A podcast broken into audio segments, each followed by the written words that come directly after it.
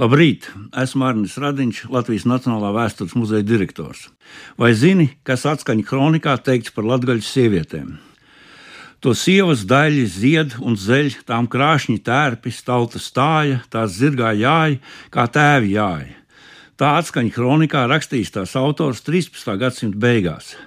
Kas gan svežamnieka domājams Livonijas ordeņa bruņinieku tā pārsteidzis, ka viņš sacerējumā, ko lasīja ordeņbrāļiem priekšā, lai iepazīstinātu ar ciņām Livonijā un celtu kaujas spējas un morāles līmeni, tā apdziedājis latgaļas sievietes skaistumu.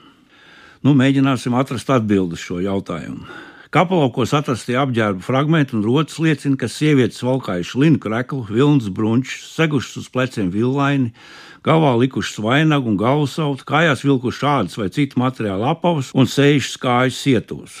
Latvijas sievietēm bijuši vairāk veidu vainagi. Kopš 8. gadsimta lietot lentes vainagi, kopš 9. gadsimta arī grīstas vainagi. Tiem aizmugurē bija piekari, jeb bizes.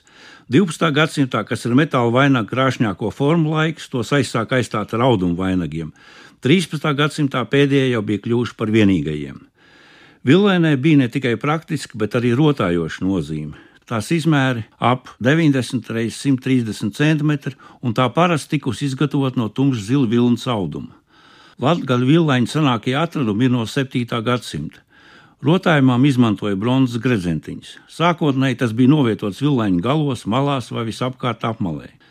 11. un 12. gadsimtā rotājums jau bieži klāja visu villaini, tad tās arī viskrāšņākās.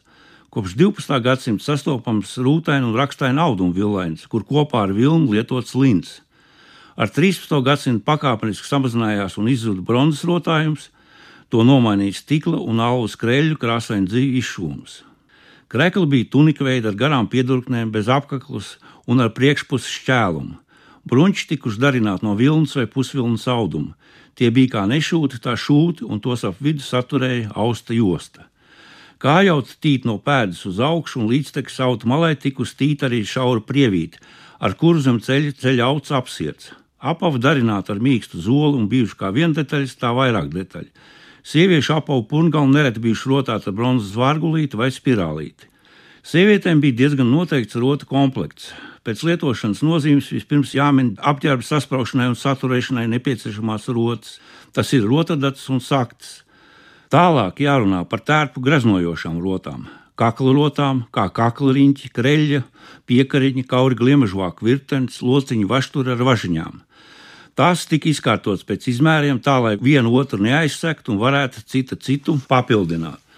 Rotu uzskaitījumu turpināsim ar aprocēm. Tās parasti nesātas vienādas un vienādā skaitā uz abām rokām.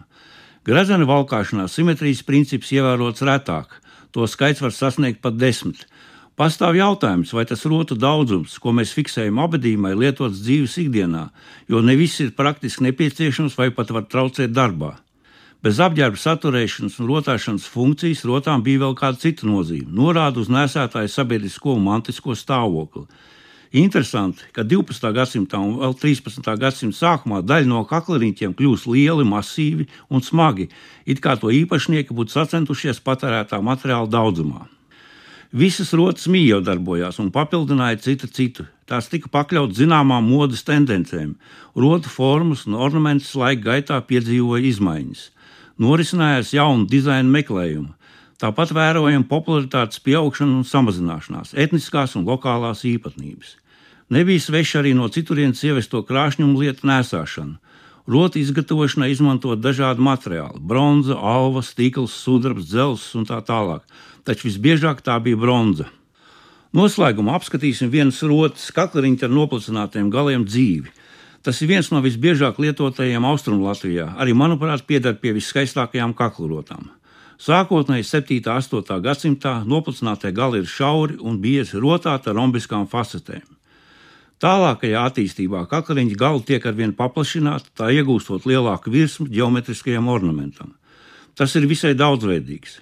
Ornaments tiek veidots ar vienu vai vairāku elementu palīdzību, piemēram, skujas, līpais krusts, līklots, saulītis, romps, jeb stūrainā saule, jumtiņš.